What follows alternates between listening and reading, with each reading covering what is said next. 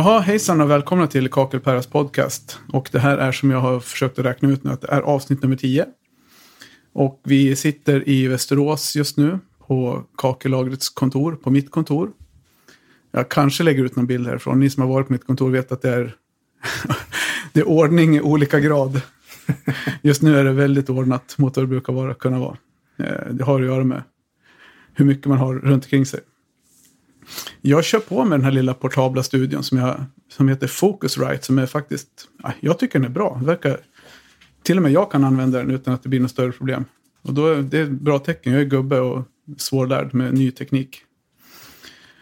Så jag vill faktiskt börja med att rikta ett officiellt tack till Björn Börjesson. För Björn, man pratar ju om folk som har inverkan på en och påverkan på en. Och, Björn är min mentor när det gäller det här. Eh, han har hjälpt till med det mesta kring podden från första skälvande minuterna till faktiskt till så att vi sitter här idag med egen inspelningsutrustning. Han har ju hjälpt till med inspelning. Han har coachat mig. Han eh, klipper och mixar. Han har skapat vignett, stinger, bumper och han tvättar ljud. Har du hört talas om det, Kalle? Jag har hört talas om det, men jag vet inte riktigt vad det innebär. Jag kan gissa, men... Eh, för att, jag menar, tvätta ljud. För mig så ljud det är någonting som är helt osynligt. Hur fan kan man tvätta någonting som är osynligt? ja, det är en bra fråga. Eh, ja, ni hör ju, jag, har ju, jag sitter ju inte själv. Jag lovade i förra avsnittet att jag skulle jobba vidare med mina gäster. Och vi kommer till, ja, ni som har läst introduktionen eller rubriken på podden vet ju att vad det är för filur delvis vad det är för filur som sitter med mig här. Men vi kommer till själva presentationen. Eh, ja, men jag ska förklara vignett och eh, det här som jag sa att Björn har hjälpt mig med. Vignetten, det är ju den långa versionen i början. Så den kommer ni inte få höra något mer av. En bumper, det är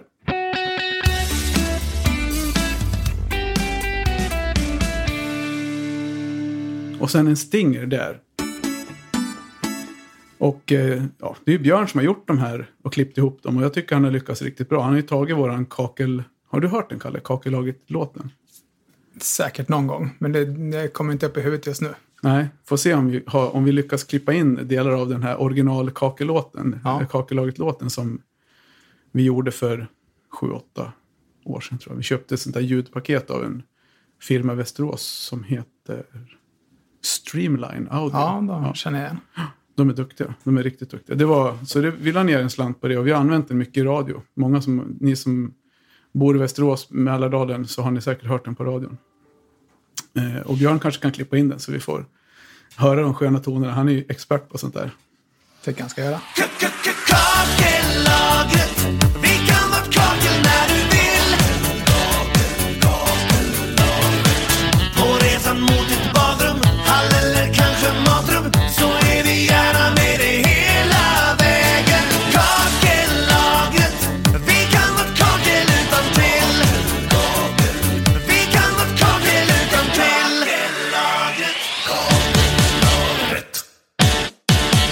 Ja, och den är, den är liksom grunden till den här som Björn gjorde, en lite mer softare. Eh, har du hört den originalgingen som vi kör? Nej. Det är bra. Vi har en gäst med som han har kanske inte ens lyssnat på podden. Nej, det har jag inte. Han har inte det. Nej, du ser, då har han lite, då får han en hemläxa. Ja. Men eh, vi ska gå vidare med Björn. Vi pratar färdigt om vår vän Björn. Som, eh, ja, han har sin studio på Söder. Dwarf Studios. Och jag kan faktiskt, jag måste säga, jag vill varmt rekommendera hans studio och Björn. För eh, mer hjälpsam och eh, professionell kille har jag nästan aldrig träffat på. Han är fantastiskt duktig. Eh, för musiker och andra kulturutövare om podd, podderi. det faller väl under kulturutövande tror jag. Eh, Björn driver också eh, en podd som heter Konstiga gig. Det är en riktigt, riktigt rolig och bra podd. Så den tycker jag ni ska lyssna på om ni har möjlighet. Har du, har du hört den, Kalle? Nej, det har jag inte gjort. Det är också en sån här podd som inte så många kanske, men de har ett antal tusen lyssnare. Men de är duktiga. Du får, ja, du två får, hemläxor. Ja, två hemläxor. uh, ja, men precis. Jag är ju som sagt, jag har ju sagt det tidigare, jag är ingen superstor poddlyssnare. Jag har lyssnat på konstiga gig från A till Ö. Och jag har lyssnat på Tappad som barn. De är ju Västeråskillar. Mm. Som gör den. Eh, hörde talas om den under Musikhjälpen. Ja. Eh, men jag har faktiskt inte lyssnat på den heller. Jag är inte heller någon stor poddlyssnare. Nej. Ja, men den är faktiskt också, den, det får man nästan säga att man lyssnar på egen risk. För de är ju mer vilda än tama. Men de gjorde ju otroligt stor nytta på Musikhjälpen. De drog väl in en 300-400 000? Eller? Jag kommer inte ihåg summan, men de har mycket pengar. Ja, de drog in mycket pengar. De var duktiga. De är väldigt ambitiösa och professionella och roliga. Och kul att lyssna på. Man får lite inspiration när man håller på själv. Ja, vi kör vidare. Nu går vi in på själva avsnittet. Och då, vi kan ju börja med att presentera dig på, på det traditionella sättet. Ja. Eh, Vem sitter framför mig? Eh, Det är Kalle Julin som sitter här. Eh, Och eh, 34 år gammal. Från och med, ja, för en vecka sedan. Ja, grattis. Ja, tack.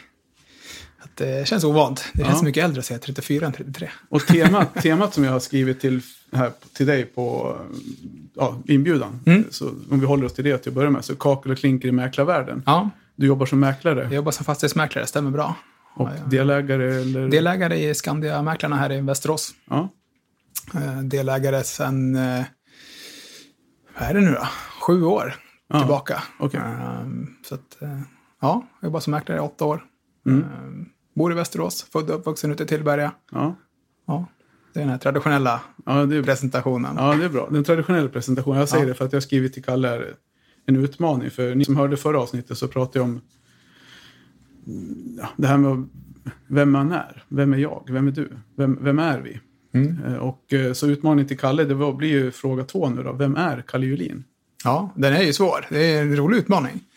Ehm, och eh, sen är det ju alltid svårt att hu- hur uppfattar andra mig, men jag får väl berätta vad jag tror eh, att folk uppfattar mig, hur jag själv känner mig. Ja, Eh, och är ju i grund och botten en, eh, tävlingsmänniska som eh, hatar att förlora.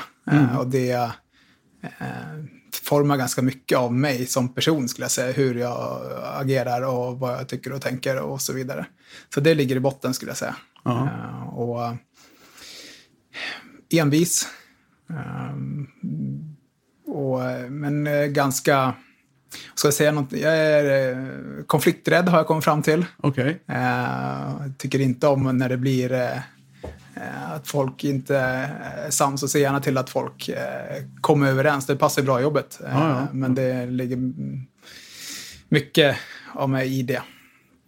Ska jag säga. Ja. Eh, det är väl något man kommer fram till på senare tid. Ja. Hur, gammal, hur, hur mycket fyllde du sa du? du är 34. 34, ja. Och det är klart, då börjar man komma över den här liksom, mognadströskeln. när man Ja, det tar insikt. emot att säga också. Man vill ju helst inte eh, säga sådana saker om sig själv. Det, är lite, det känns lite negativt laddat. Men, Ja, men jo, precis. Du drog upp några, om man säger så här, envis, tävlingsinriktad eh, och, och konflikter. Det kanske är lite negativt laddat. Mm. Ja, men precis.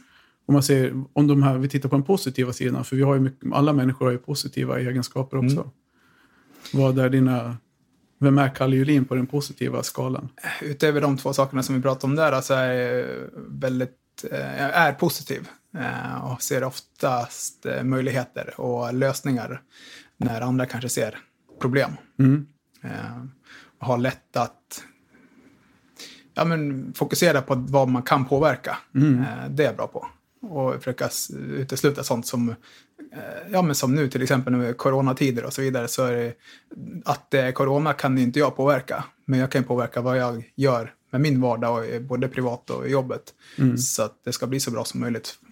Ja. Eh, och det är väl det, det är jag duktig på, att lägga fokus på rätt saker tycker jag själv i alla fall. Jag skulle skjuta in ett ord som jag minns spontant, alltså spontant när jag träffade dig. Ja, de första gångerna, men Mm. alltså sen då, när jag lärt känna dig lite mer så snäll skulle jag vilja säga. Ja, jag men tycker, det jag upplever dig om. som en Ja. väldigt snäll och jag, jag tror att du eh, jag tror att du är väldigt omtänksam. Ja, det skriver jag under på. Ja. Och det är bra, för jag tycker vi ska lyfta upp de här på, för alla har ju Ja. negativa, Ja, alla har negativa sidor och dåliga egenskaper och sådär. Så. Men, Mm.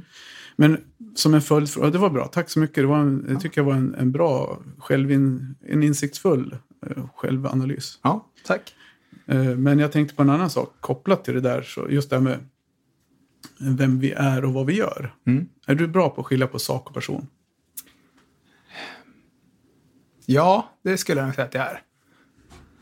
Sen är det en svår fråga även det, men eh, ja, det skulle jag säga att jag är. För hela, det här, hela den här tanken med vem man är, det, det bygger på att sak och person inte riktigt hänger ihop alla gånger. Men Nej. är klart att man påverkas av det man gör, men man är ju inte det man gör. Men eh, jag kan ju vara snäll, men jag kan göra en dum grej för det. Ja, Så behöver inte jag vara dum bara för att, ja, ni förstår. Ja, men det är kul. Men eh, jag tänkte på det här som, som Björn, vi pratade med honom tidigare. Eh, och nu blir väl han så här, för jag känner Björn väldigt, han är också väldigt snäll och omtänksam och en väldigt hjälpsam person. Och det, så nu rodnar han lite grann, tycker så här, ja, men måste han prata så mycket om mig? Tror jag han tänker. Den Björn jag har lärt känna på de här, det här halvåret.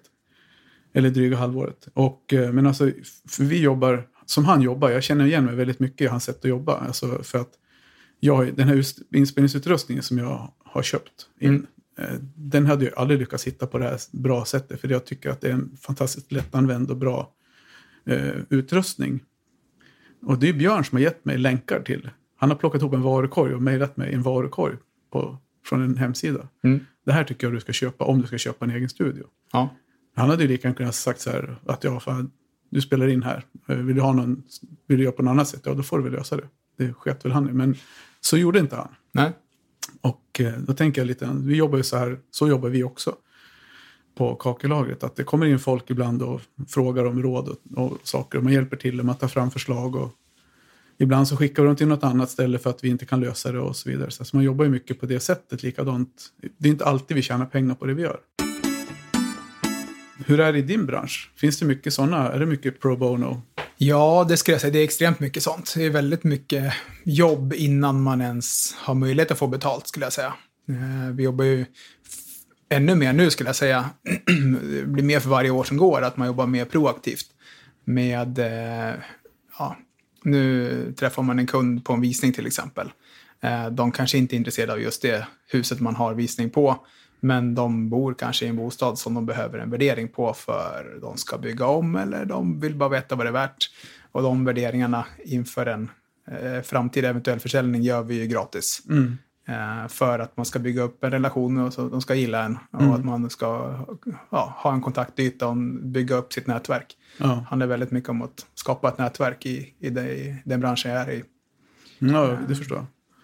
Så mycket sånt. Och sen även hjälpa till om de eh, ja, om de tittar på någonting annat så kanske vill ha tips och råd. i, Läsa ett besiktningsprotokoll eller eh, få lite statistik från eh, vad eh, borde det kunna vara värt. Vad har andra sålts för i området och så vidare. Sådana saker hjälper vi också ofta till med eh, och tar inget betalt för. Nej. Eh, målsättningen och det vi vill vinna med det är ju att man ska få hjälpa till den dagen de väl ska sälja. Men det vet vi ju inte förrän den dagen kommer. Och mycket av det här jobbet gör man ju innan. Ja. Eh, och det är gratis.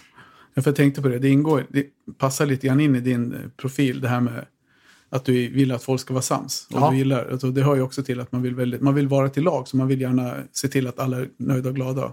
Ja. Man, hjälper, man sätter laget före jaget. ja, men så är det. Mycket.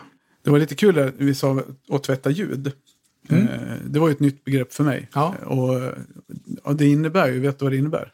Man tar bort sånt som inte borde finnas med. Om det kommer någon sms-signal bakom eller om man Ja, dricker men- lite vatten eller kaffe som hörs kanske. Man dricker kaffe och ställer ner kopp. Ja.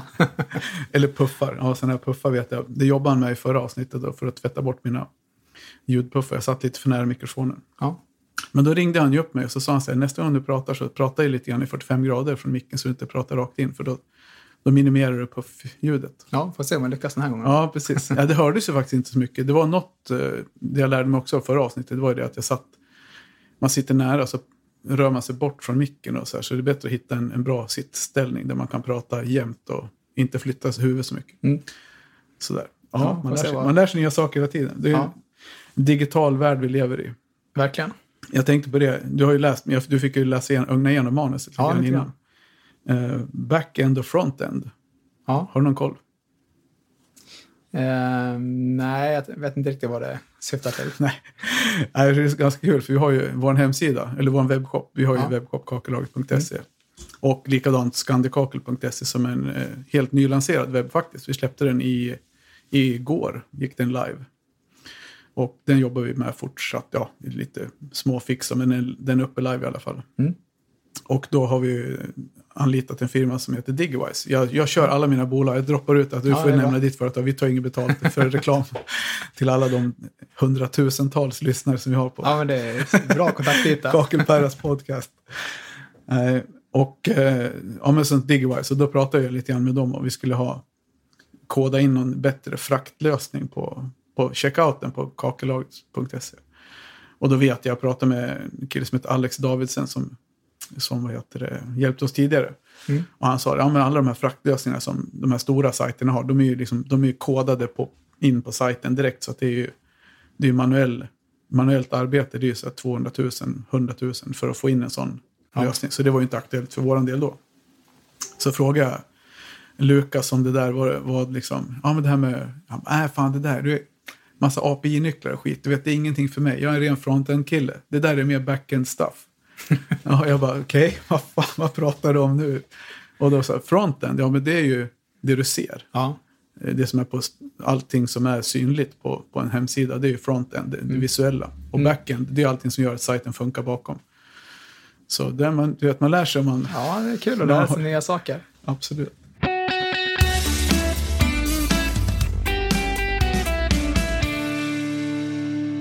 Jo, jag har en återkoppling här också. Det var lite eh, angående corona och vet, viss distans, inte social distansering, men fysisk distansering. Ni såg ju på bilden som jag tog eh, utan att Kalle såg. Jag har en liten fjärrkontroll här. Eh, så vi ska se om den blir bra så lägger vi ut den. Att vi sitter ju med, vad har vi Kalle, en och en halv meter emellan. Ja, skulle jag säga. Så vi, vi håller ju den fysiska distanseringen. Vi gjorde däremot ett brott här tidigare, jag och Kalle, mot eh, råd och riktlinjer från Folkhälsomyndigheten. Så ni får väl gripa mig och Kalle om ni vill då. Men vi spritade händerna först noggrant och sen skakade vi hand faktiskt. Ja, det kändes ovant nu. Ja, det gjorde det. Ja, men det, det kändes bra. Ja. Vad, tror, vad, var- vad tror du syftet var med... Nu har du läst manuset, så det var, jag hade skrev det här för att du skulle kanske vara lite oförberedd. Men jag tänkte, får du läsa för det känns lite mer... Lite schysst att inte ha massa S i rockärmen. Mm. Men syftet med handskakningen, vad, hur reflekterar du på det? Jag måste ha missat det i manuset, så att eh, jag... Eh, Ja, nej, men det är väl ofta för kontaktskapande kanske. Man ska känna sig välkommen. Gissar jag. men hur tänker du när du skakar hand med en människa? Hur, hur, alltså, för det blir ju... Det jag sa i förra avsnittet. Jag tänkte jag skulle mejla till dig igår, för det är bara 27-28 minuter så jag hade Mm. kunnat lyssna på det. Men det, jag pratade ju lite grann om det här med... Som nu, vi har anställt två... Vi har anställt en ny kille. Mm. Och vi har haft ett antal anställningsintervjuer. Och det är ju... Det är ju svårt alltså för... När man, normalt sett när man skakar hand med en människa, så det säger ju ganska mycket om vem du har framför dig. Ja. Det var det jag tänkte på lite grann, hur du, hur du tänker när du skakar hand med en människa. ja, men man gör ju mycket av en bedömning. På, det blir en del av första intrycket. Ja. Så är det. Och det, det, på något sätt så det bryter någon barriär. När man, att man, så om man kommer in hos någon och man tar i hand, man känner sig mer välkommen, tycker jag i alla fall. Att det känns mer naturligt att ta i hand och det är så, så som man är van och uppfostrad att man gör. Ja, Eh, Men eh, ett, ett fast och bra handslag ger- säger mycket om vem man har framför sig. ja det gör det. Och det var det jag tänkte också. För jag lyssnade på avsnittet, förra avsnittet och så kände jag att jag ville liksom fylla i lite grann. För jag kom på saker efteråt som jag hade velat koppla på i, Mm. det, i det avseendet. Den här DISA-metoden, har du... Det här blir så här pseudovetenskapligt, men det är ju den här omgivna av idioter-boken med mm. färg, han med färgerna. Yes, diskteori och allt vad de kallas för. Ja, disk eller dis. Ja, precis. Ja. Ja. just det, med färgerna.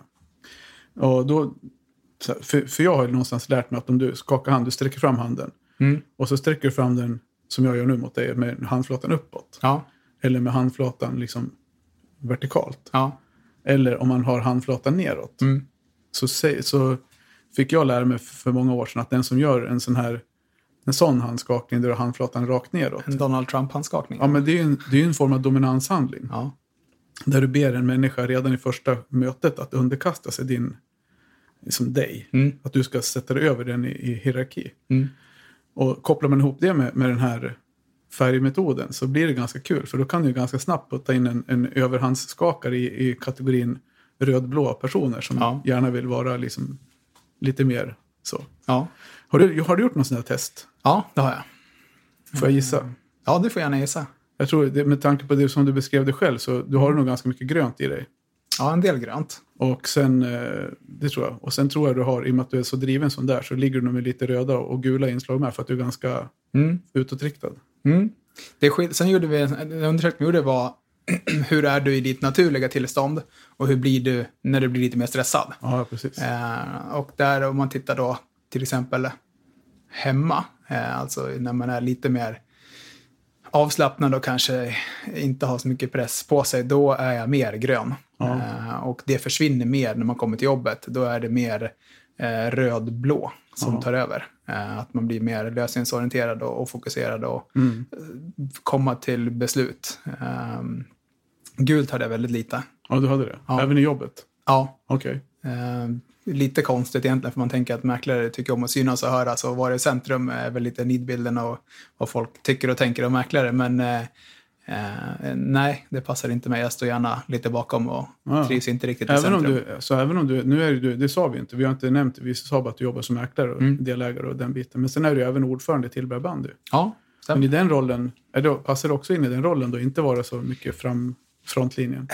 Ja, det, det är väl någonting som man har fått träna på också, att eh, kunna delegera. Och eh, det har ju lätt att det blir mycket hamnar i mitt knä. Ja. Eh, och blir, får träna på att se till att fördela uppgifterna. Jag, kan säga, jag är ordförande i en förening jag med. Mm. I en mycket mindre förening, men vår höns, eh, hönsförening. Och Ja. jag kan säga att jag, egentligen så kan jag säga att det passar inte en... Jag är ganska gul personlighet. Ja, Och det passar faktiskt inte en gul personlighet att vara ordförande. faktiskt inte, för man skulle nog behöva ha mycket mer blått i sig Ja. eh, så, eh, än vad jag har. För att jag känner ibland att man inte riktigt får ihop trådarna där de ska vara samtidigt. Det är samma med mitt jobb. Jag menar, jag skulle inte ha... Nu har jag anställt två personer Mm. med hjälp av en... Vi har en, en konsult som vi tar hjälp av. Och han har ju varit med vid rekryteringarna. Och så, så vi har gjort en spes på vad vi vill ha för typ av person. Lite grann utifrån de här olika metoderna som finns. Då, personlighets... Han vi, där har vi jobbat med det gröna som stödjande, det gula som influens och rött dominans och hela den här biten. ja. Eh, och det blå glömmer jag alltid bort vad det är, för det passar mig inte alls. Det är ett väldigt typiskt bra exempel på att, att man inte är blå om man inte kommer ihåg vad det är. ja, så är det. ja, det stämmer. Så, ja, men det var det, det var det om det.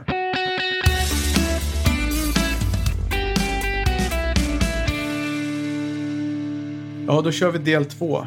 Och det är egentligen det vi skulle prata om. Det blev en lite längre introduktion än vad jag, vad jag brukar köra. Vi har hållit på faktiskt redan i 22 minuter. Ja, tiden går fort. Eller 20, ja, vi hade lite babbel i början där. Ja. Som inte är med. Jo, men vi pratar om det, om det relevanta. Din relation till keramik, ja. det vi jobbar med. Eh, Just begreppet keramik är ju... Jag har ju hört det tidigare. Ja, Men det är ingenting som har förknippat med kakel och klinker. Jag förstår att det är ju keramik i botten, men det är, på något sätt har man inte tänkt på att det är keramik, bara att man tänker kakel och klinker. Men det är klart att det är... för det vi jobbar med som bransch, eh, vi, vi har ju lite så här slitningar i branschen om det där, vad ska vi kalla våra material? Ja, Eh, vår branschorganisation heter ju Byggkeramikrådet. Och eh, byggkeramik, det är ju sån keramiska produkter. En keramisk produkt är ju bestående av lera Mm. som är bränd. ja, Och byggkeramik, det är alltså keramiska produkter som man använder för att bygga med. Så Ja. egentligen så är det ordet fantastiskt bra samlingsnamn för kakel, klinker, granitkeramik och ja, det är väldigt tydligt. det är ju det. Eh, Men om man säger i ditt... eh, Ja, din relation, säger, både i jobb och utanför jobb Mm. till byggkeramik. Hur, hur, Eh, Jag, jag själv som person är ju otroligt ohändig eh, och eh, är inte särskilt intresserad av eh, att lära mig bygga. Eh, egentligen av den anledningen att jag är så sjukt dålig på det. Så att det har aldrig blivit att man har hittat intresset för det. Men eh, jag, mm, i, jobbet och även privat så tycker jag att eh, ett, ett snyggt badrum eller en, en snyggt klinker i hallen eh, eller en snygg lösning i köket, eh, det gör ju väldigt mycket för helhetsintrycket. ja, hur, hur ser det ut hemma hos dig? Har du mycket kakel? Och, Klinker Klinker. i eh, hall, gäst, WC, badrum och köket. ja, över bänken eller på golvet också? Eller? Eh, bara över bänken, inte golvet. Nej. Det låter som ganska traditionella... Ja, nyproduktionsstilen. Ja. köpte ny, bott där i två och ett halvt år. Då. Det var Okej. nyproduktion när vi köpte. Mm. Ja, de följer ju samma mönster. Ja, det, det kommer precis. inte ifrån. Eh, ja, som sagt, och som jag sa, byggkeramik är ju ett sånt där begrepp. Jag tycker personligen att ju mer man liksom använder själva samlingsnamnet byggkeramik, desto mer begripligt blir det, desto mer logiskt blir det. Sen delar vi upp det i produktkategorier. Och den ena, det är ju kakel som alla känner till. Vi har gjort något avsnitt om det här tidigare, så du kan om du vill lära Mm. Ja. dig lite mer så kan du Ja, lyssna men det- på, på det ska något. jag. Ja. kakel och klinker det är två olika. Så. Sen finns det en produkt som heter granitkeramik och det är egentligen den största produktgruppen. Eller, ja, mest växande produktgruppen. Kakel är det som vi sätter på väggarna så följaktligen blir det kanske de största ytorna som vi klär med med keramik. Då, att det blir mycket kakel. Mm. Men vi säljer nog mer och mer granitkeramik även på väggar i badrum. Ja, Men eftersom folk kommer in i butiken och ska fråga, fråga oss, de har, gemene man har ju ingen aning om vad granitkeramik är. De Nej. tror att det är granit, en naturprodukt. Så då, vi har ju valt att jobba med kakel och klinker, där kakel är väggprodukter och klinker är golvprodukter. Och så säger vi att ja, klinker kan du även ha på vägg. Mm. Det blir lite enklare. ja. Men eh, som, som mäklare då, du, är, du är här i din e- Ja. egenskap av mäklare. Det är Precis. därför vi har lagt nu 25 minuter på att prata om allt annat än ditt jobb. Vad, hur ser det ut i jobbet då? Hur sätter du in eh, byggkeramik i, i jobbet? Nej, men det påverkar ju värdet av en bostad är ju eh, ett fint badrum, snyggt klinker och alltså en fin helhet genom hela bostaden är ju värdehöjande. Ja, Eh, och man gör ju en bedömning när man värderar en bostad. Vad bedömer jag att marknaden vill betala för just den här bostaden? mm, Och där är ju sådana dyra renoveringar värda mycket. mm, Eh, men det som man märker, det är svårt att sätta värdering utifrån vad har det kostat att göra. Ja. Det är egentligen oväsentligt. Har det kostat två kronor eller två miljoner att bygga om det här badrummet? Värdet är ju det marknaden är beredd att betala för det färdiga ja, ja. resultatet. Men skulle du säga då, för, för det är ju lite så följd, följdfrågan här. Alltså vid en värdering säger du, då, då ser du liksom ett hus. Då, då kan du, om man säger att det är ett badrum som är, de är gjorda 20, 2018 eller 2019 båda badrummen. Ja. Det ena har plastmatta och det andra har kakel och klinker. Mm. Skiljer det sig i värde på dem? Ja, det gör det. Eh, sen är det lite beroende på vart i, i mitt fall då Västerås, finns bostaden. Ja men det är samma ställe, det är samma hus. Om vi Ja, tar jo. två exakt identiska hus då. Du har Eh, två det- badrum tvättstuga. Det ena är det plastmattor rakt igenom det andra är kakel och klinker. Ja, men även om de två är på samma ställe så är det beroende på vart, vilket ställe är de två på. Samma hus.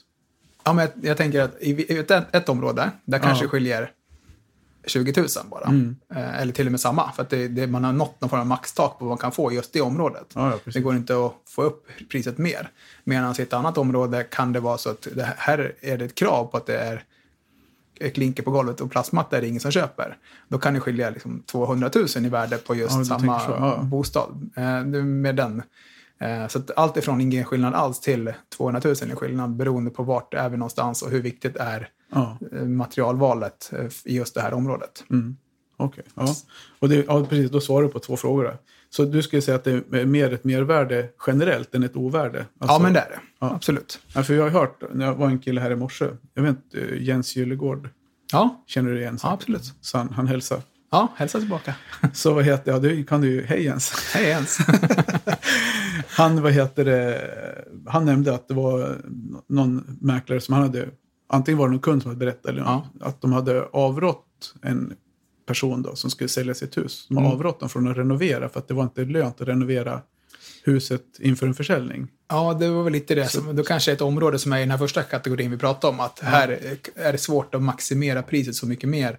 För att vi har nått en nivå på värdet som är eh, nästan taket vad man skulle kunna få. Så även om du lägger 200 000 till eller 100 000 Men, men om till. vi det utgår från att alltså, badrummen är i behov av renovering. Ja, Om man säger så då. Det, om Ja. vi tittar på ett sånt hus då, för det var ju så det var i det här fallet. Att det Mm. var i badrum som kanske hade Ja, det kan jag fråga på en gång. Hur ser ni på sånt? Om det, vad har du någon, liksom så här, om ett badrum är fem år gammalt eller 15 år gammalt, hur påverkar det din värdering? Det kakel och Eh. klinker eller hur, det nu är. Då, men, det beror lite grann på hur det ser ut också. Men när man börjar man nå upp mot 20 år så eh, finns det inte så mycket värde kvar det som är värd. Då, då tycker nog många i alla fall att det är dags att renovera ja. igen. Eh, så att, det, ja, det påverkar. Sen är det, hade, valde man materialval då som, som håller än idag och som man vet att många skulle uppskatta så, så finns det ändå ett värde kvar i att det kanske ser fräscht ut och, och Mm. verkar bra. Mm. Men eh, det, i normalfallet så är det ju mm, många som tycker att det är dags att renovera igen om det börjar närma sig 15-20 år. Men gammalt. om det sitter någon person ute och lyssnar nu som ska sälja sitt hus och som har ett badrum som är låt säga med mat- plastmattor som är 15 år gammalt och ska sälja. Är det lönt att sätta i nya plastmattor eller ska, är det lönt att sätta i kakel och klinker om man säger att du bor i ett område där det fortfarande finns lite spelrum? Ja, det kan det ju vara. Men jag- normalt sett eh, så...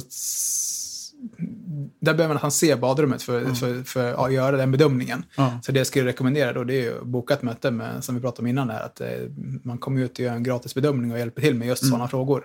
Eh, de binder inte upp sig för någonting och det kostar ingenting. Eh, så att man tar en dialog i just det enskilda fallet. För det är svårt att säga generellt så Ja, här men är det, det. kan ju vara, det kan ju vara ett bra råd, alltså, att man börjar Ja. där. Ja, man är absolut. osäker på inför en försäljning, så man inte blåser ur och lägger ner 100 000 så får man inget mer för huset Precis. i alla fall. För det, det märker man rätt så ofta när man pratar med folk. Ja, men eh, vi håller på att renovera, så, så eh, kom inte nu, utan kom, vi, jag ringer dig när vi är klara så kan du få göra en värdering då. Ja. Och så kommer man dit så, men Så det, de här sista 50 000 jag la på, på de här sakerna tror jag inte påverkar värdet överhuvudtaget, tyvärr. Eh, Eller hade du gjort så här istället så hade du fått en bättre utveckling. Så därför man ju- kommer man gärna ut så tidigt som möjligt för att Ja. hjälpa till med just sånt. Ja. ja, för det kanske ligger i ert intresse med. Hur jobbar ni? Jobbar ni med fast provision eller procent? Normalt är det procentsats. Man, Ja. Det finns väl antingen helt fast eller en procent eller en, en fast grunddel och en högre procent om man når över en viss nivå. Ja. Så det kommer vi överens med kunden om. Ja. Men eh, Ja, absolut för då ligger, det, det, ligger i ditt intresse och, och att liksom kunden får göra en bra affär också. Då. självklart. Det ska ju vara win-win i de Ja. lägena. Jag tänkte på fallgropar, eh, har skrivit här. Mm. Jag känner vi får inte, vi får inte hasta över någonting. Så om du känner att vi Ja, nej, vi, tappar någonting så får du skjuta in Ja. Sankar. För jag, jag har ju mitt lilla manus här. ja, det är bra. Eh, Jag tänkte på fallgropar vid försäljning och vid köp. Mm. Alltså, om man tittar på, det finns ju fallgropar för båda. Ja. Om du ska köpa eller om du ska sälja. Om vi börjar med den som eh, ska köpa. Ja. Vad, vad är de värsta fallgroparna man kan gå i som köpare?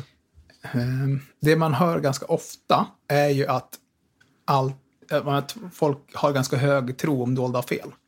Ehm, Som till exempel om vi pratar eh, badrum. Att finishen ser inte jättebra ut. Det, då har man som köpare en, en utökad undersökningsplikt. Eh, vilket gör att man eh, kan inte hävda att det kanske, det är svårt att säga Nej, nej. exakt, men man kanske inte kan hävda att det är ett dolt fel bara för att man inte såg det bakom plattan. För man borde med kunna se att det här är inte en fackman som har utfört arbetet. Då finns Nej. det en stor risk att det inte är rätt med fuktspärr bakom och så vidare. Det är bara ett exempel. Ja. Men så att man eh, har en hög tro om just dolda fel, vad det är för någonting. Mm. Att man, eh, eh, därför rekommenderar man en besiktning och att man liksom förstår vad, Ja. vad innebär det här för mig. Att de besikt, att man Ja, vi, kommer, att- vi kommer till överlåtelsebesiktningar. Ja, för det är en sån här punkt som jag tror det sitter nog ganska många hantverkare där ute. Och många som har, ja, för vi får ju, jag får ju mycket frågor. Jag jobbar ju lite grann åt Mm. Länsförsäkringar med skadeutredning. Eller har gjort mer tidigare. Och det är ju mycket frågor. Framförallt så är det ganska, var för något år sedan, väldigt många frågor efter att folk har köpt hus. Då man ska åka ut och titta om det här är rätt gjort. Och då blir det lite så här, ja fast det är ju redan för sent. Du har ju köpt ett hus med de här, där det ser ut så här. Hade du Precis. kollat? Ja men. Mm. Eh, men så det, det håller jag med om att just, de där, just den dolda fel, det är nog ja, tio år enligt jordabalken. Men den är ju inte så lätt att komma åt. nej, Och det, det är tar ju väldigt svårt. Alltså min upplevelse är ju, för vi, när vi köpte vårt hus för 23 år sedan. så hade vi, eh, vi hade lite problem efteråt. Ja. Med saker som stopp i avloppet, orent vatten, fast ja, du vet, man trodde på det de sa och hela Ja. den här biten. Precis. Och eh, vi kom ingenstans. Nej. Så vi pratade med mäklaren och han bara, ja fast det är ju så här undersökningsplikt hit och dit. Ja, och mäklaren sitter i händerna på att om en säljare har sagt någonting så, så kan ju inte vi som mäklare gå in och säga någonting annat. För vi, måste ju, vi har ju till uppgift att, att hitta en köpare eh, till säljaren Ja. på de villkoren som säljaren har gett oss. Vi, vi är inte ansvariga för fastigheten på det sättet, utan vi kan ju bara gå på det, det säljaren har eh, att säga. Men hur, hur pass, jag menar, för det där har man ju också stött på ganska många gånger. Nu känner jag dig och du Mm. har hjälpt oss med, med någon värdering ja, och sådär. Så vi, vi har ju en, men jag tänker på i allmänhet, man har ju träffat på mäklare som ibland man känner att själva affären och provisionen är viktigare än att båda parter är nöjda. Efteråt Mm. så har det har blivit uppringd av mäklare som har sagt du kan du åka ut och besikta ett hus? Åt, jag har sålt ett hus. Kan du åka ut och besikta och säga att det ser bra ut? Eh, Det här kan Ja. väl inte vara så farligt? Kan inte du skriva någonting om det? mm. Och det, jag, det slår jag ifrån mig, för det är alltså, av naturliga jag. skäl. Då. Men, men hur, hur upplever man det där i branschen? Är det, är det mycket liksom fulspel på sånt, på sånt där?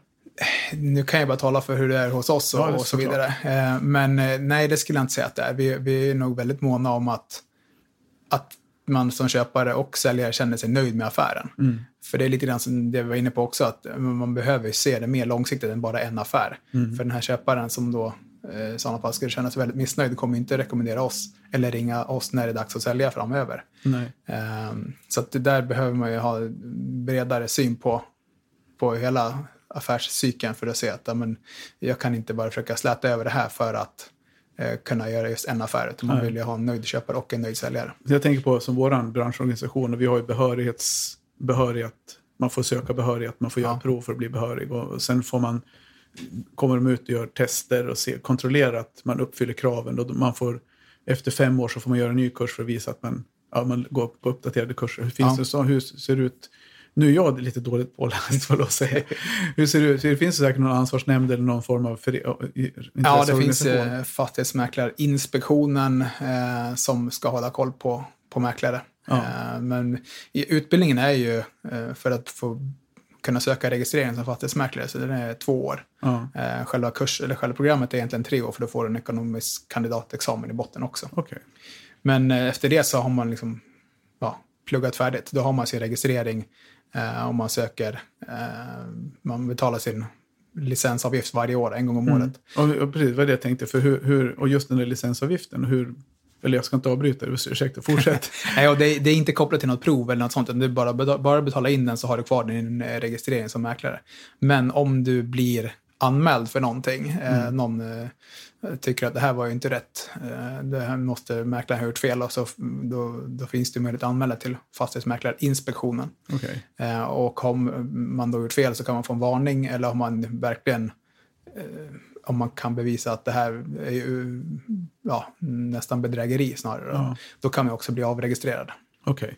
Ja, ja, så det finns någon form av disciplinåtgärder. För, Ja. hur, hur mycket jobb har de då? Som det lät på dig tidigare så sitter de sysslolösa. För, eller ju från er firma. Ja, exakt. Vi pratar från din. Nej, men det, det händer ju att det, det, det, är, det är en svår roll vi har som mäklare. Eh, Just den här eh, avgränsningen att ja, men vi, vi har ett, ett, ett upp- ett uppdrag av en säljare att hjälpa säljaren att hitta en köpare. Det är egentligen om man ska konkretisera vad, vad vårt uppdrag är. Eh, Men eftersom att köparna och spekulanterna bara träffar eh, mäklaren så blir det lätt att man ser kopplingen att det är mäklaren som säljer den här bostaden. Eh, och ser att eh, men, eftersom att bostad, det var fel på bostaden så är det ju mäklarens ansvar. Ja, precis. Jo. Eh, Ja, för det blir lite den, det är eftersom man har kanske mest kontakt med mäklaren Precis, köpet. så det blir lätt att dra den kopplingen. Eh, och och där, om man då blir missnöjd med något så får man inte som mäklare gå in och bedöma. Du, du, det här är rätt, det här är ett dolt fel, det här är inte. För då tar man en roll som en jurist eller en domare. Och det får vi inte göra. Nej. Utan det enda vi får göra i de lägena det är att vara en opartisk mellanhand. Och den där, det, är, det är en svår dialog att, att föra med en köpare som kanske tycker att ja, men nu försöker du bara smita ifrån ansvaret här och det här känns inget bra. Nu eh, tycker jag att eh, det här vill jag gå vidare med. Mm. Så att det, den eh, dialogen är ofta svår att när man har en köpare som har eh, hittat någonting som ingen visste om innan, Ja, eh, då blir det lätt att man blir missnöjd med mäklaren. Fast ja, det är svårt att eh, göra så mycket som mäklare när man inte får eh, gå in och bedöma. Om vi hoppar tillbaka till, eller fortsätter med fallgroparna där då. Mm. Det var bra, tack för den informationen. Det var väldigt intressant. Ja. Eh, för, för det är som du säger, man tror ju oftast att det är mäklaren, ja, mäklaren tjänar ju, för ni tjänar ju ändå pengar på det. Ja, det är säljaren som betalar och så uppdraget. eh, Så det ni tar betalt för egentligen, det är bara att förmedla fastigheten. Ni tar inte något, alltså tar, i arvodet så ingår det inte någon annan form av liksom hjälp eller säkerhet eller trygghet eller... Inte i form av eh, det här ansvarar mäklaren för i fastigheten, utan man, man upprättar en objektsbeskrivning som kallas för som beskriver vad som säljs. Ja, eh, som eh, säljaren ska godkänna och både säljare och köpare skriver under vid kontraktet för att kunna säkerställa att man är överens om vad som säljs och vad som Mm. köps. Ja vad bra, perfekt. Du, för det har gått ganska bra för dig som mäklare, vi ska inte fastna i det, men jag tänkte Ja. bara, för du har väl blivit, haft, haft, fått lite pris... Ja, på Skandiamäklarna i Sverige så Skandiamäklarna, har jag ja. blivit utsedd till, till bästa mäklare i Sverige tre gånger. Okej, i, i, i Skandiamäklarnas Ja, precis. någon form av franchise? Ja, franchise-upplägg. Så det Okej. Skandiamäklarna är franchisegivare och varje bolag på varje ort heter någonting annat egentligen, men hyr ju namnet Skandiamäklarna. Ja, ja, precis. Ja. Får gratulera till det. det. Ja, tack. När var det sista, senaste året du vann? Eh, blev årets mäklare? Det, det är ett tag sedan nu. 17 kanske. 17? Ja. Ja. Har det blivit mätt? lever man på gamla meriter. Ja, ja, precis. Vad riskerar man som säljare då? Vad finns det för fallgropar och risker som när du säljer? För vi pratar ju om köparna, Ja. dolda fel och det. Men vad finns det för största fallgrop om du ska sälja ett hus? Eller lägenhet? Det, det, det man åker på rätt många gånger det är ju när man har eh, renoverat själv men att det inte är rätt gjort. Och det i de flesta fall det kommer ju upp på besiktningen. Ja. Ehm, och det blir ju ofta en prisreduktion eller att de in, den som har köpt inte vill köpa alls. Nej. Ehm, så det är väl en fallgrop att man tror att det här kan jag komma undan lite billigare med i renoveringen. Ja. Men när man sen står där och ska sälja så får man inte de pengar man tänkt sig i alla fall för att det inte var rätt gjort. Dolda fel som säljare då, hur vanligt är det? Eller hur, liksom hur, hur farligt är det med dolda fel? Eh, det beror lite grann, alltså ett nytt hus eh, där man har gjort mycket själv, Ja. där har man ett stort ansvar. Eh, Medan ett hus från 50-60-talet som inte är så renoverat, det finns nästan inga dolda fel. Nej. Eh, för att visst, det går nog inte att se allting, men ett hus som är 60 år gammalt, Mm. eh, då får man som köpare enligt jordabalkens regler räkna med att allt ska göras. Ja. Men hur, vad skulle, har du något exempel på något vanligt dolt fel som du stöter på? Nej, det har jag nog inte. Ehm, det är inte så vanligt med att, det- att det blir eh, ett dolt fel. Nej. Ehm, för oftast är huset rätt så nybyggt så har ju också den som har byggt huset ett, eh, ett ansvar för eh, ja, byggfelsförsäkring och så vidare inom tio år. Eh, och är huset lite äldre så är det inte så mycket som, som, in, landar nej. på dolt fel. Okej, det är om man har missat någonting typ som... Ja, man, men det är framförallt om man har renoverat. Mm. Till exempel ett badrum är ett ganska bra exempel på att du har renoverat själv. Det ser jättefint ut och allt är bra, men så någonstans bakom har du missat med, Ja. med fuktspärren eh, som inte går att se. Ja, men det är ju ett dolt fel. ja. Um, så det, är mycket sådana som när man har gjort någon egen renovering eller gjort renovering i närtid som man kan åka på sånt Vi- ansvar. Vi, har en, eh, vi har en punkt i del tre som vi kommer tillbaka till just Mm. det där. Ja, spännande. För det där är något som är vä- väldigt intressant i, i vår bransch. Ja. I och med att den här podden vänder sig i stor del till de som är i branschen. Men Mm. även det här avsnittet hoppas jag att det kanske folk utanför branschen. Det är därför vi pratar lite mer om, Ja. om de här själva detaljerna. Jag tänker just på en sån här sak som du sa. Du nämnde ordet överlåtelsebesiktning. Och för Ja. mig så är det en... Ja, jag, vill, jag, vill, jag vill bara slänga ut frågan till dig. Mm. Över, överlåtelsebesiktning, är det bra eller är det en falsk trygghet? Eh, det, jag skulle säga att det är bra. Eh, därför att det finns många som köper framförallt hus då, som Mm. gör nu, som gör överlåtelsebesiktningen, som inte har kunskapen själva. Och, men även om man inte har kunskapen så ligger ju undersökningsplikten på den som köper. Ja. Och då är det bra att ta hjälp med det. Att undersöka det som går att undersöka, helt enkelt med en överlåtelsebesiktning. För jag tänker, det är ingenting som ni... För, för det, är också, det, det finns ju en... Jag ska inte säga en anledning till frågan, men det finns, det finns ju... Det du säger själv är lite, blir lite grann en motsägelse. Ja, Därför att om du som köpare anlitar någon som ska göra en överlåtelsebesiktning för att du själv inte kan. mm. Hur ska du då förstå överlåtelsebesiktning? Det är naturligtvis upp Ja. till den som får överlåtelsebesiktning i sitt hand och, Ja. och läsa och analysera den. Mm. Men jag har ju ett case nu med en, som ringde till mig för några dagar sedan och har gjort en, ska sälja huset. Ja. Eh, och eh, köparen har gjort en överlåtelsebesiktning där, där den här besiktningsmannen har ja, i princip skrivit saker som gör att de kliver av köpet, då, kopplat till badrum naturligtvis eftersom de ringde till mig. Då. Men vad, hur skulle man, vad skulle du säga där? Alltså, vad, hur, har ni någon möjlighet att hjälpa till att tolka en överlåtelsebesiktning? Det kanske inte ligger i ert intresse? Eller? Jo, men det gör det. Man vill ju hjälpa till med eh, att tolka. Men det, det blir också en svår balansgång från att jag ska ju heller inte ut, göra en utfästelse om att det där badrummet eh, kommer hålla i tio år. Det, det Nej, får jag ju och kan jag ju inte göra. Eh, men däremot kan man ju eh, hjälpa till att hitta en väg framåt. Ja. Ja, men okej, det här badrummet, det fanns en rörgenomföring i golvet till exempel. Mm.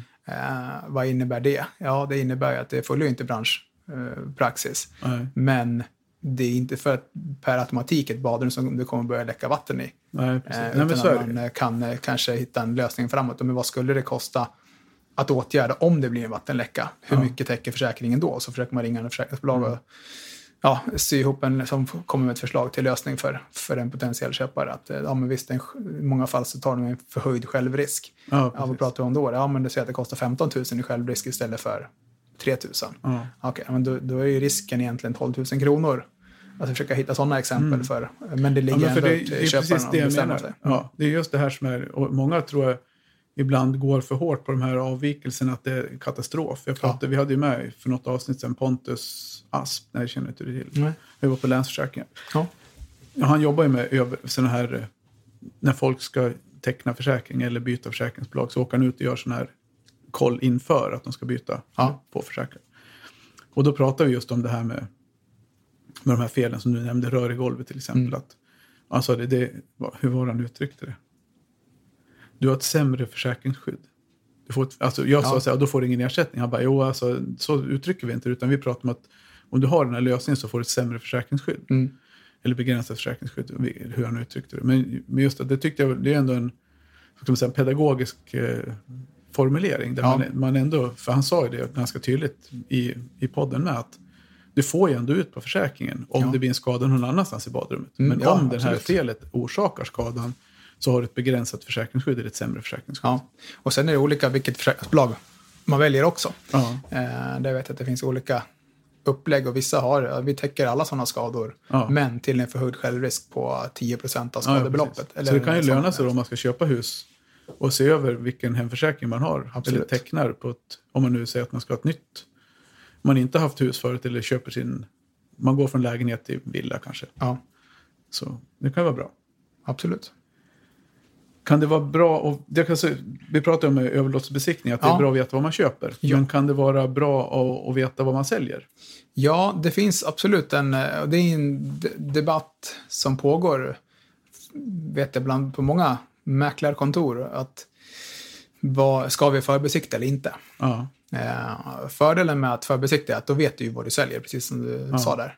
Eh, och både som säljare och som mäklare så har man koll på vad, vad, vilka fallgropar finns det här och vad, Mm. ska vi eh, göra någonting åt det här innan man går ut eller ska vi kanske revidera utgångspriset utifrån Mm. de här sakerna.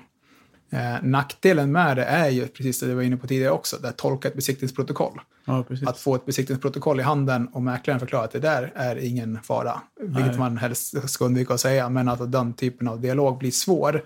För där hamnar man i ett läge där köparen kanske inte riktigt väger mina ord lika tungt som en besiktningsmans ord. Som skulle, om jag bara återupprepar exakt det som besiktningsmannen har sagt, så blir det inte samma tyngd i argumentet för att de förstår att jag tjänar pengar på att bostaden blir såld. Ja, precis. Och det är ju så här, bilen är lite krockad. Ja, exakt. Ja, den är lite krockad. Ja, men är den ramsned? Nej, det vet vi inte, men den är lite krockad. Och det, då, Ja. det känns osäkert att köpa en sån bil. Precis, och, men däremot kanske det, eh, på en besiktning så sitter man vid, vid, oftast vid mm, ja, köksbordet och pratar efter besiktningen och besiktningsmannen eller kvinnan går igenom vad som de har hittat Ja, eh, och förklarar att ja, det är en krypgrund till exempel. Eh, det, jag ser ingen stor risk i det, jag hittar ingen eh, eh, ja, mikrobiell påväxt. Nej. Men jag måste skriva att det är en riskkonstruktion. ja precis. Och sen Just- går den ja, därifrån. och det, det är ju för att de har ju sitt regelverk och Precis. de vill ha ryggen fri med sina Ja. liksom, skuldfrågor sen om det kommer ersättningskrav på att de har ju sagt och gjort någonting. För det där är ju, Precis.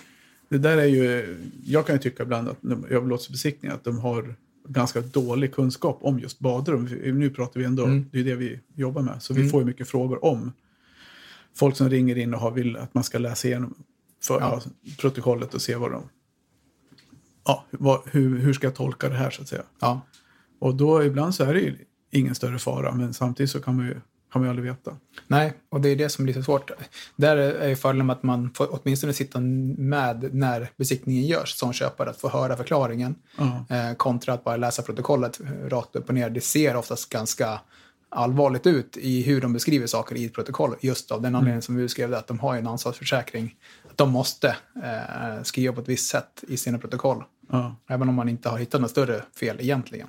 precis. Eh, Så det är nackdelen med att förbesikta, att ja, men då, då har ett protokoll som, som kanske ser allvarligare ut än det är och folk blir rädda Och back- och drar ja, öronen åt sig innan de ens har lagt bud. Och det blir ju klart att då då blir en sån, alltså för er del att göra en förbesiktning för att veta vad ni säljer, det kan ju vara en lite grann binda ris åt egen rygg. Att Det- kanske skulle, risken finns, Ja. ja. ja. för vi pratade lite, vi snackade inte Ja, vi pratade om det. nå- vi golfade. Precis. Det där att hur man, men jag, jag håller med jag förstår eran, det är kanske mer den som personer, alltså de som säljer huset själva, Ja. innan de vänder sig till en mäklare kanske ska göra en sån typ Det av blir för- egentligen samma sak. Eh, men Då vill ju den som köper se ett sånt protokoll. Ja, jo, men Eh, låt oss men- säga så att, att du nu ska sälja ett hus. Mm. och du är osäker på hur, Ja, vad blev det här gjort egentligen då? Ja. Det protokollet behöver du inte visa för någon. Nej, och då kan du åtgärda det som dyker upp och så nu det skulle hus. och så vet Ja. du liksom, aha, men nu hade jag lite misstanke om att det här, den här brunnen i tvättstugan inte var så bra. Mm. Men om du då säger det till köparen att si och så, det går att åtgärda så här, eller som du säger, åtgärda det själv. Då, så. Ja. då har man ju liksom kört med öppna kort. Ja, för i många städer så förbesiktas ju allt på bland, eh, när hus säljs. Då. Och i Västerås är det väldigt ovanligt. Ja, Eh, och det är också en vanlig sak att läsa ett sådant protokoll. Har du gått Ja. på det första visningen med besiktningsprotokoll, då blir du förmodligen livrädd och går därifrån. ja, Andra, inte lika rädd, men fortfarande känns inget bra. Tredje börjar man vänja sig. Mm. Och fjärde, femte, då, då känner man igen de här röda bockarna och allt vad det är för någonting och tycker att ah, det där känner jag igen. Men om, ser, om, du, om du skulle ge ett råd till någon som ska köpa ett hus och som inte Mm. är så himla van, som inte kan så mycket om byggnation. Hur ska de göra när de går och tittar på hus på visningar? Ska de ta med någon eller? Ja, det är väl bra att ta med någon sakkunnig eh, redan på visningen eh, för att höra vad, vad ska man titta efter. Eh, och någon som är duktig på att förklara vad, vad innebär det i praktiken. Ja, ja. Eh, för ja, det här är fel, punkt, och så går man vidare. Ja, Okej, men vad innebär det för mig rent praktiskt om jag bor här? Kan jag bo här ändå? Ja, det är inga konstigheter. Eller Mm. nej, det behöver åtgärdas. Man ställer följdfrågan också, men inte bara stannar där vid första Mm. konstaterandet att det inte följer branschpraxis till exempel. Ja, precis. Ja.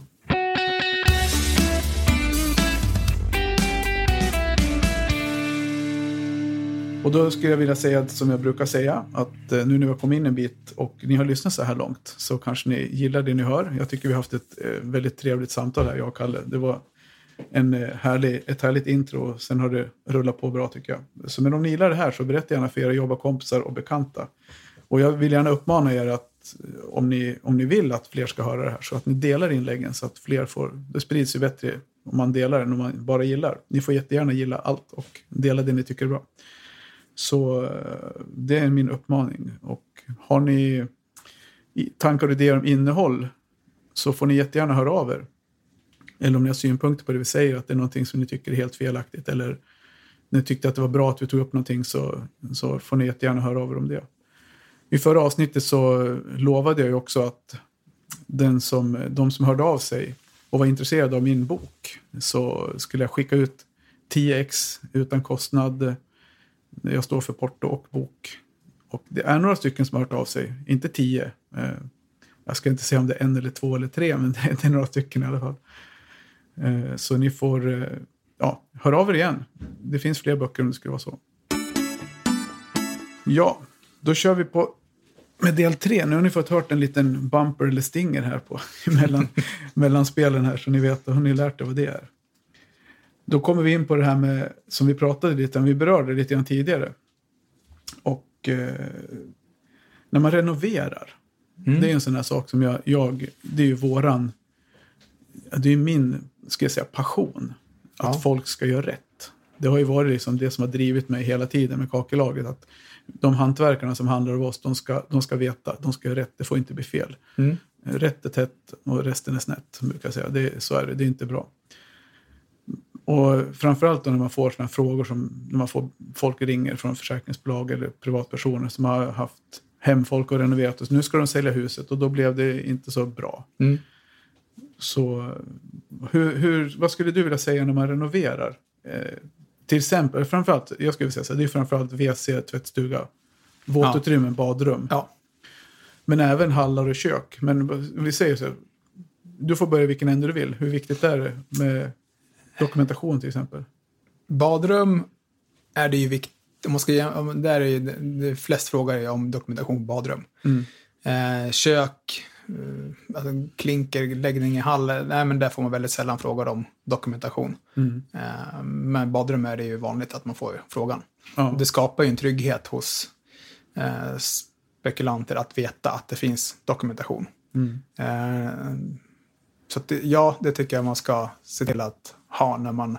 För det är ganska vanligt att man träffar på folk som har renoverat badrummet med en firma eh, efter konstens alla regler, men de har ingen dokumentation ändå. Nej, Eh, inte ens en faktura. För ofta, jag, jag gjorde en liten check på det här när jag hade gjort, eh, jag tror jag, gjorde det någonstans när jag hade gjort 70 skadeutredningar. Ja, Och då är det sak, jag blir, då har jag blivit inkallad när det har varit otydligt vad som har blivit fel. ja, där, där liksom skaderegleraren på, på försäkringsbolag inte vet vad som har hänt. Mm. Och är det försäkringsbart eller så då får jag gå in och titta. Ja. Och då hade jag gjort 70 sådana utredningar som var relevanta. Allt annat småkraft som plattor som har släppt i hallar och sånt där, det var ju liksom, hade jag sållat bort. Mm. Och på de 70 så var det, hur, hur många tror du hade kvalitetsdokument? Fem? Det var tre som det fanns kvalitetsdokument. Och av de tre kvalitetsdokumenten så var det ett som var okej. Ja. Och de andra, de, de var, alltså där stod, hade de ju fyllt i. Då hade ju han som fått kvalitetsdokument inte sett att de hade gjort avsteg från reglerna som Precis. i det här fallet hade orsakat skadan. Ja. Så, så jag tycker så här, oftast är det ju om man har... Alltså, vad säger ni om det här med behörighet? Ni är ju själva med i branschförening, Ja. men hur, hur viktigt är det för er att eh, det finns ett, någon form av kvalitetsdokument och behör, från ett behörigt företag? Eh, det, så, det är lite som du är inne på, det, ibland får man ju kvalitetsdokument. och säger att ja, men det här är gjort av den här firman, den här personen och, och, och här har de bokat i att eh, det finns rörgenomföring i golv för att eh, ja, det är ett avsteg. Och det ger ju bara, det, det skapar ju ingen trygghet. Då vet vi ju att det är ja, felgjort så att säga. Sen kanske man skulle vilja att det fanns, om det nu, ibland finns det ju godkända förklaringar till det, att det inte går att göra om på ett tillräckligt, eh, på ett försvarbart sätt. Då skulle man kanske vilja se att det, att det framgår lite tydligare varför och bakgrund till, Ja. till den här avvikelsen. Eh, men jag, skulle, jag, jag kan väl tycka att det skulle finnas lite mer krav på intygen. Eh, för det är bara oftast ett A4 med lite bockar, det här har jag gjort och så Mm. Skickas in att kanske lite mer fotodokumentation eller liknande som man kan se, följa stegen. Ja. Vad som är gjort bakom eh, det som man ser. Mm. Ja, men precis. Och det, hur, hur vanligt är det då? Tycker du att, att det finns? Det är ovanligt. Ja, det är det ändå. För Ja. vi tittar ändå på att vi, nu vet jag har inte jag siffrorna i, exakt i huvudet, men vi har ju 4 000, över 4 000 behöriga företag i Sverige. Ja. Så man tycker att det borde, av badrum som renoveras i hus som görs, så borde det finnas ganska mycket dokument. Det finns nog också, men jag tror att många som får det tappar bort det. De, tror Ja. inte, de förstår inte riktigt vik- vikten av det här dokumentet man får, utan ja, det, vad är det här för någonting? Ja, det Ja, slänger jag. Eller vad det kan vara, för det, det, det kan mycket väl vara så att de har det, har fått det men har tagit bort det också. ja. Och det är likadant, jag tänker så här, jag brukar alltid fråga då när jag är ute på de här skadeutredningarna. Dels vill man se kvalitetsdokumentet. Den Ja. frågan ställer man mest för att man vet att det inte finns något. Då får man bara bekräftat. Ja. Eh, Men då, samtidigt så är det en relevant fråga. Man frågar sig, har ni ett kvalitetsdokument så vill, man se det. För det kan ju alltid vara bra Mm. att kunna se vad som är gjort och inte gjort. Om det står några kommentarer. Ja. Nästa fråga det blir, finns det någon faktura man kan titta på? För där kan det också stå, det kan ju framgå vilka produkter de har använt. Ja. Och det tycker jag, alltså, det är ju inte en fråga till dig, utan det här är ju en, en helt egen åsikt. Jag tycker att det är högst relevant faktiskt när man, när man har så det får bli en uppmaning till de som håller på att renovera badrum och säljer, ska sälja sitt hus så småningom att det finns en dokumentation på vilka produkter man har använt. Mm. Dels, man kanske ska skriva upp vad kaklet heter, vad det är för ja, fabrikant. Eh, Men framförallt tätskikt och fix och fog så att om det skulle vara så att man behöver någon gång gå in och göra ett ingrepp, att man kan reparera med rätt produkter. För att annars så blir det en gissningslek och då kan man ju komma ganska långt med att titta på vilken färg på duken det är och ja, sådana där saker. Men det är Ja. ju många fabrikat som har blåduk till exempel, tätskiktsduk. Ja. Så egentligen så säger du att det, när det gäller behörighet, du skulle gärna se att det finns mer behöriga alltså, Ja. kvalitetsdokument. ja, verkligen. Och att man kanske förklarar vikten av det också när man ger ifrån sig det dokumentet Ja. eh, för den som får det, att de sparar det. Men rent om du får så här, om du anlitar någon för att renovera, om vi säger så att du står i begrepp att renovera hemma, ska Ja. du anlita, tycker du att man ska göra det själv? Eller tycker du att man ska ta in ett företag som gör renoveringen? Nej, det tycker man ska ta in ett företag. Eh, enda gången jag tycker man kan göra det själv, det är om man är hantverkare själv och, och jobbar med det själv. Ja. Eh, annars tycker jag man tar in företag. Men har du sett exempel på motsatsen när det har blivit, alltså inte motsatsen, men har du sett exempel på där folk har gjort det själva och det är liksom, Ja, det är ganska vanligt att ehm, även om man gör det enligt konstens alla regler så ser det ju oftast inte lika bra ut. Finishen blir normalt sett sämre och då tror ju folk att det är felgjort i alla fall. ja. Eh, Så att det, det skapar en osäkerhet hos spekulanter och köpare eh, om inte finishen är så bra som den borde vara. Ja. ja, men precis. Så vi tänker också få för mycket frågor på det här med golvbrunnar. Mm. Är det någonting som du, för jag har fått en del samtal från mäklare, kollegor Mm. till dig, inte just från Skandia-mäklarna, men från andra mäklarföretag. Just de där med golvbrunn, att det verkar vara någonting som poppar upp lite då och då. Är det någonting som du har? Ja, det är lite grann samma som det här med rörgenomföring i golv. Att det, som jag har förstått det så är det ju två olika hantverkare normalt sett som ska, eh, en rörmokare som ska dra rör och eh, bila eh, avlopp. Eh, och eh, när platssättaren kommer dit och ska göra jobbet så är inte det gjort. Så istället för att säga stopp och belägg, nu, det här kan inte jag göra, eh, och eh, avbryta jobbet och gå därifrån så får man heller inget betalt för sitt Nej, arbete. precis. Då tror jag att det är vanligt att man ja, skriver en avvikelse och kör på. Och, För man kalendern kanske är fullbokad ett halvår framåt. Mm. Ja. Eh, man har inte tid att göra det någon annan gång. Nej. Så det tror jag är ett vanligt... Men avvikelser, hur, hur ser ni på det då? Har ni någon, har du, får ni några frågor kring det? Liksom hur folk, hur det Ja. påverkar saker? Det är ju folk eh, normalt sett eh, rädda för. Ja, Eh, Det som inte är det vanliga. Folk eh, är ju normalt sett inte experter på badrum och stå, står det en avvikelse från branschstandard så det, det, det drar ju folk öronen åt sig normalt Ja. sett. De gör det. Mm. Och jag tänker också det här med kakel, har ni, det har inte du några synpunkter på kanske? Eller tankar kring kvalitet och... Nej, det blir nog... Det kräver nog lite väl mycket kunskap för att förstå skillnaden för att man ska Ja. kunna få ut mer av det på priset på bostaden om man säger så. Mm. Där har jag däremot en liten uppmaning till alla som lyssnar nu. Som, jag vet att ni hantverkare som lyssnar, ni, ni gillar att jobba med bra material från seriösa kakelhandlare. Och jag skulle vilja till de som inte är hantverkare och lyssnar på det här, skulle jag faktiskt vilja uppmana er att fundera på vilket företag ni väljer att köpa er keramik ifrån. Därför att det finns ju det är skillnad på en som handlar med kakel och en som, som säljer massa saker. Alltså det finns ju, Kalle han jobbar ju som mäklare. Och så finns det de som, för han, han förmedlar hus. Då har ju han, det är ju inte bara ett hus han jobbar med, utan han jobbar med alla sorters hus och säljer till den som betalar bäst. Men i, vår, och i vår bransch så finns det lite liknande Eh, funktioner där det finns, ja, vad ska vi kalla det för, handlare som mäklar varumärken. De säljer allt och alla varumärken, men de har egentligen kanske inte någon gedigen bakgrundskunskap om kakel och klinker. Och vi säljer ju, vi som är, man ser, det, det gebitet vi tillhör som är kakelhandlare, det finns ju ganska många runt om i Sverige som tillhör kakelföreningen. Och vi jobbar ju uteslutande med, med de här produkterna och vi har ju ganska god kunskap, de flesta av oss, om vad det är för produkter vi säljer. Kvaliteten. För kvaliteten skiljer sig såklart naturligt mellan en dyr platta i vissa fall och en billigare platta. Det är inte riktigt som eh, natt och dag. Det finns ju naturligtvis varumärken som, tjänar, eh, som tar lite mer betalt för att de, har, för att de kan. Men samtidigt så är det ju en granitkeramik är ju en granitkeramik men det finns ju olika sorter. Och, så jag, jag tycker absolut att man ska konsultera en, en, en riktig kakelhandlare som vet vad de säljer för produkter.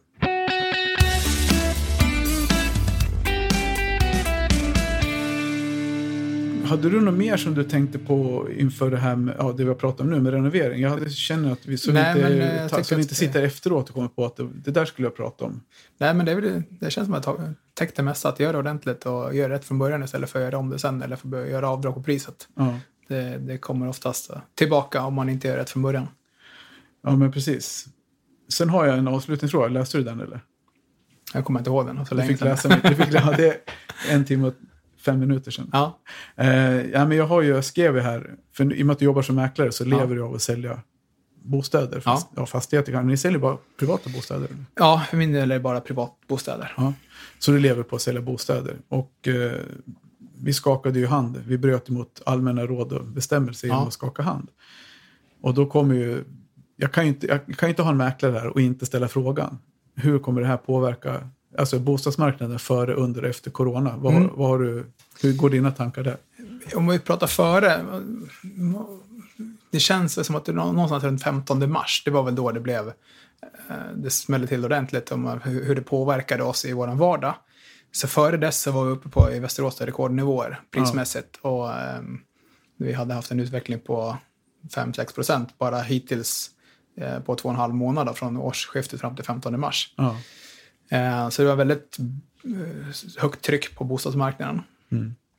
Eh, Och rekordnivåerna innan låg på villa på i augusti 2017 och bostadsrätterna i mars, april nästan 2017. Mm. Och på båda parametrarna låg vi över nu.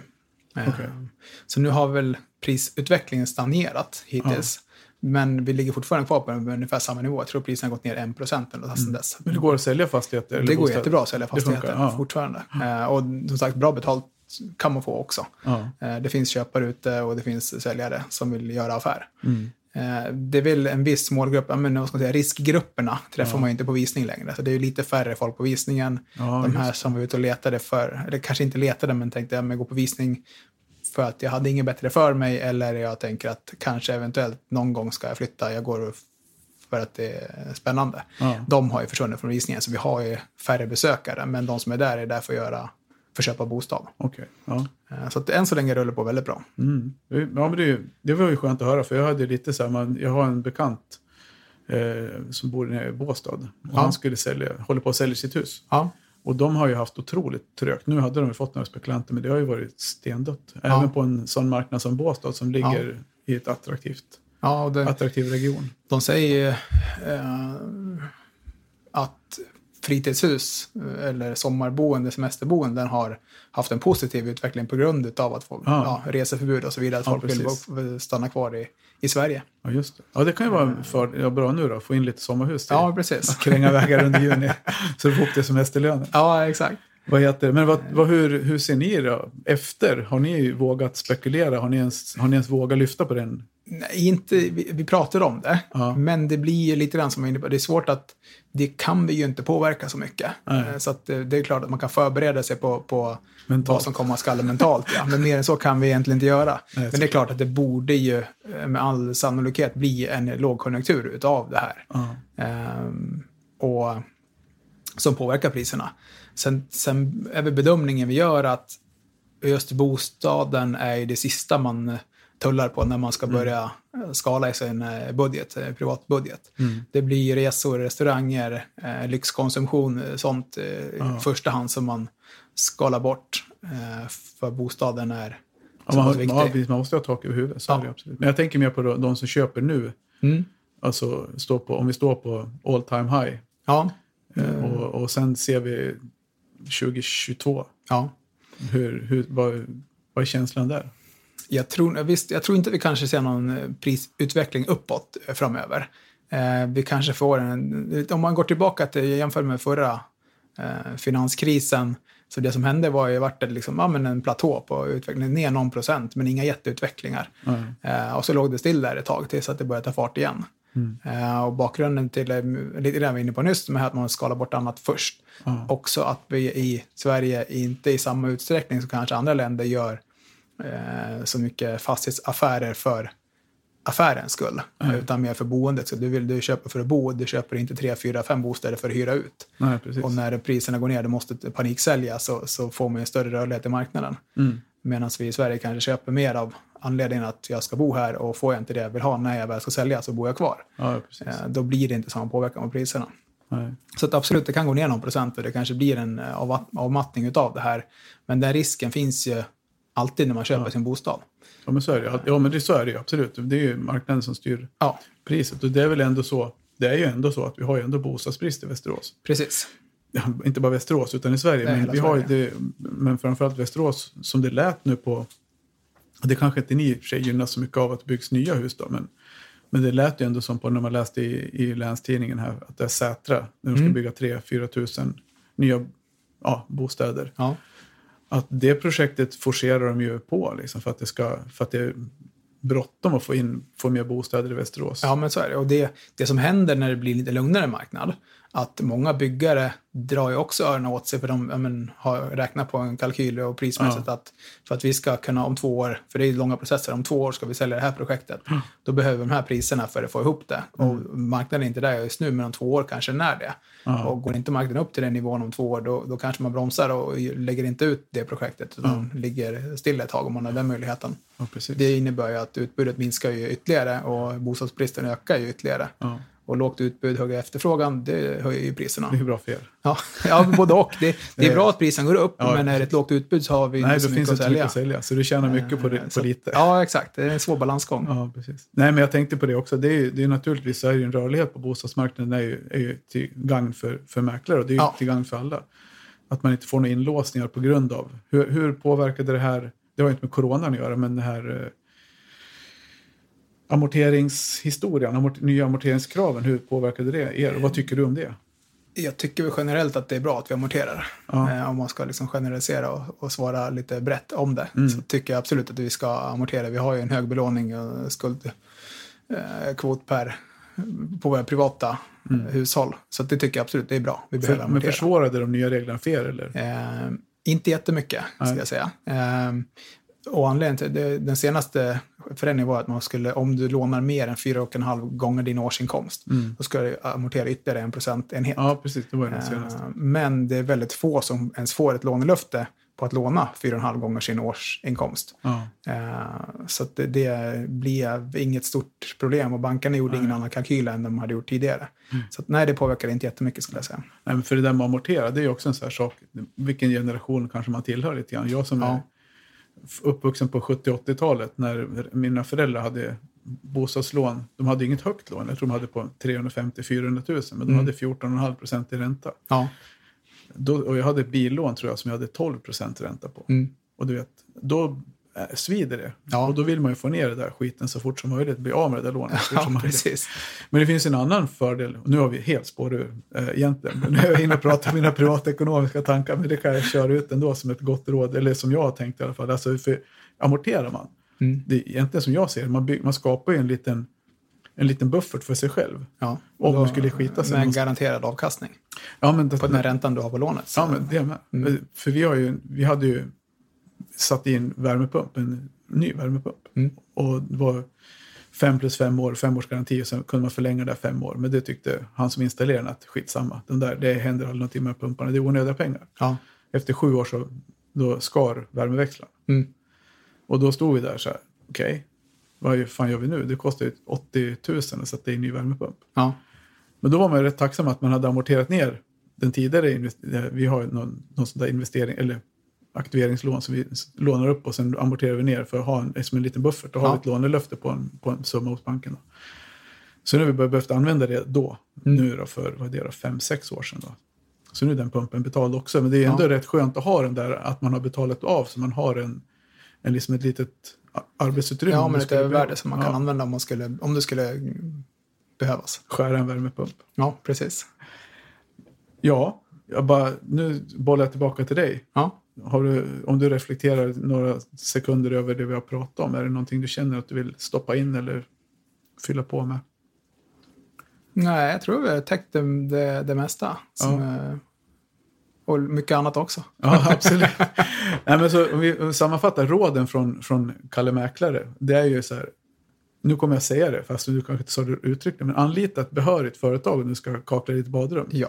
Se till att spara ditt kvalitetsdokument och fakturan på, det, på badrumsrenoveringen. Det är bättre att ha ett kvalitetsdokument med en avvikelse och en förklaring till avvikelsen än att inte ha något. Ja. Eh, och överlåtelsebesiktningen ska ni absolut göra och ni ska ta hjälp av någon sakkunnig med att gå igenom ja, överlåtelsebesiktningen. förstå innehållet. Förstå innehållet. För det kan ju vara så att den inte alltid är överensstämmande med så illa som det låter. Att det inte är så svårt. Och när ni går på visning, ta med någon som förstår sig på lite grann om husbyggnationer. Ta inte med den negativa, mest negativa personen i släkten. men, men ta gärna med någon som, som, vet, som har haft hus och vet lite grann hur det, hur det funkar och vad man kan behöva. Man ser ju saker som en, när man går in och blir förälskad i sitt hus första gången så ser man inte alla brister. Nej, och ta reda på vad det innebär i praktiken. Så kan man Ja. fortfarande bo där så kanske det inte är hela världen, men det kan vara bra att veta. Ja, Eh, Så man har all fakta på bordet när man gör, tar beslut. precis. Och anlita Skandiamäklaren i Västerås såklart. Ja, självklart.